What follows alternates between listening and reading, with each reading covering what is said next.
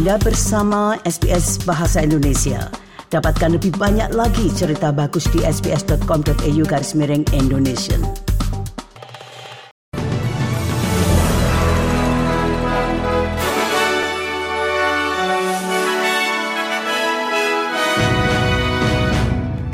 Berita terkini SBS Audio Program Bahasa Indonesia untuk hari Jumat 11 Agustus 2023. Mantan anggota parlemen Andrew G mengatakan jika pihak politik konservatif terus berkampanye secara negatif terhadap Voice, mereka berisiko mengasingkan sebagian besar para pemilih. Andrew G meninggalkan Partai Nasional karena sikap partai itu pada referendum yang akan datang tentang suara pribumi ke parlemen. Berbicara di Garma, festival budaya Yongngu yang diadakan di timur laut Anhem Land, Chi mengkritik metode pihak konservatif dan memperingatkan jika referendum gagal, pihak koalisi akan berisiko kehilangan lebih banyak kursi yang akan menjadi pihak independen. If the conservative side of politics thinks that opposing the voice in the way that they are, in, for example, labelling the voice Orwellian or saying that it's going to re racialise Australia, if people think that is the way to political salvation, they've got rocks in their head. Sementara itu, kampanye Yes untuk Voice telah mengesampingkan hasil jajak pendapat baru-baru ini yang menunjukkan penurunan dukungan untuk suara pribumi ke parlemen. Dikatakan bahwa jajak pendapat itu tidak mewakili sebagian besar orang yang masih ragu-ragu. 56 persen dari seribu responden memilih menentang suara dalam parlemen, sementara 42 persen responden menunjukkan bahwa mereka tidak yakin apakah mereka akan memilih yes atau no.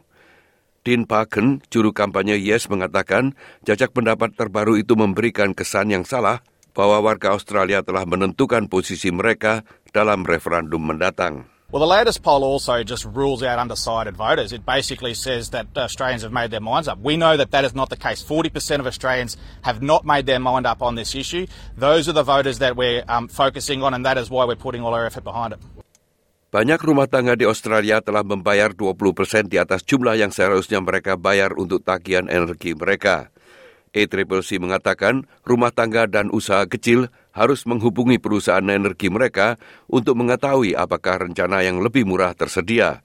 Sekitar 90 persen pelanggan perumahan mengikuti penawaran pasar yang merupakan rencana yang diiklankan atau rencana yang dinegosiasikan dengan penyedia listrik. Sisanya adalah kontrak penawaran tetap yang diberikan secara default jika konsumen tidak memilih paket atau paket tersebut telah kedaluarsa atau diperpanjang. Pihak polisi Victoria masih menginvestigasi lebih lanjut terhadap kematian tiga orang di Victoria dan seorang lainnya yang dalam keadaan kritis akibat dugaan keracunan jamur. Nathan Hersey, Wali kota South Gippslandshire, di mana peristiwa itu terjadi, mengatakan ini adalah masa yang sulit dan susah. This is a very difficult time for many in our local community, and particularly in Borough. Um, a lot of people that I've spoken with today are um, visibly grieving the loss of people that they loved and respected, um, and people who are integral in our community. Um, it's a very difficult time for a lot of people. Paus Franciscus telah menutup Festival Pemuda Internasional dan menandai Hari Pemuda Sedunia dengan pidato yang mengungkapkan harapan untuk masa depan yang lebih damai, terutama untuk Ukraina. Sekitar 1,5 juta orang menghadiri misa penutupannya di taman tepi sungai di ibu kota Portugis. Berbicara setelah misa, Franciscus yang berusia 86 tahun itu mendesak para kaum muda untuk bekerja menuju perdamaian. Amigos. Dear friends, allow me as an older person to share with you young people a dream that I carry with me. It is the dream of peace, the dream of young people praying for peace, living in peace, and building a peaceful future. Lima orang warga Iran Amerika telah dipindahkan dari penjara ke tahanan rumah di Iran. Ini dianggap sebagai langkah pertama dalam kesepakatan rumit yang memungkinkan para tahanan meninggalkan Iran mungkin bulan depan. Langkah selanjutnya melibatkan pencairan lebih dari 9 miliar dolar dana Iran yang dibekukan di Korea Selatan di bawah sanksi Amerika Serikat. Namun Menteri Luar Negeri Amerika Serikat Anthony Blinken mengatakan ini tidak berarti keringanan sanksi bagi Iran.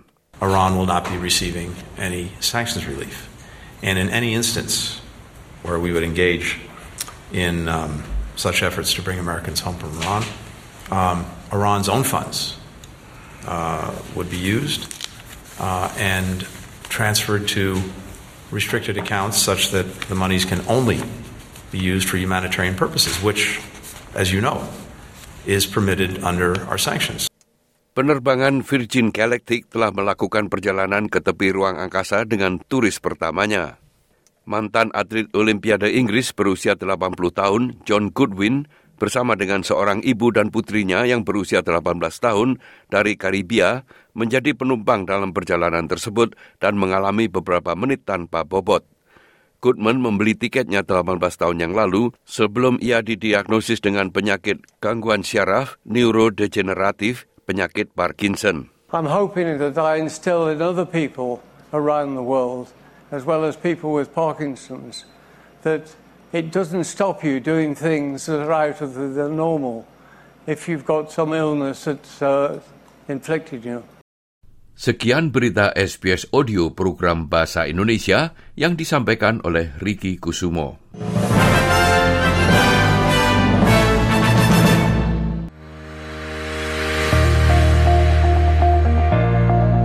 Anda masih mendengarkan siaran SBS Audio program Bahasa Indonesia. Jika Anda ingin menghubungi kami, silahkan menelpon kantor kami di Sydney pada nomor 02 9430 3135 atau kantor kami di Melbourne dengan nomor 03 9949 2208. Anda juga dapat menghubungi kami melalui email pada alamat indonesian.program at sbs.com.au.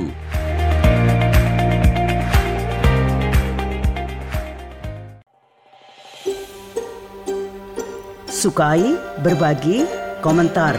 Ikuti SBS program Bahasa Indonesia di Facebook.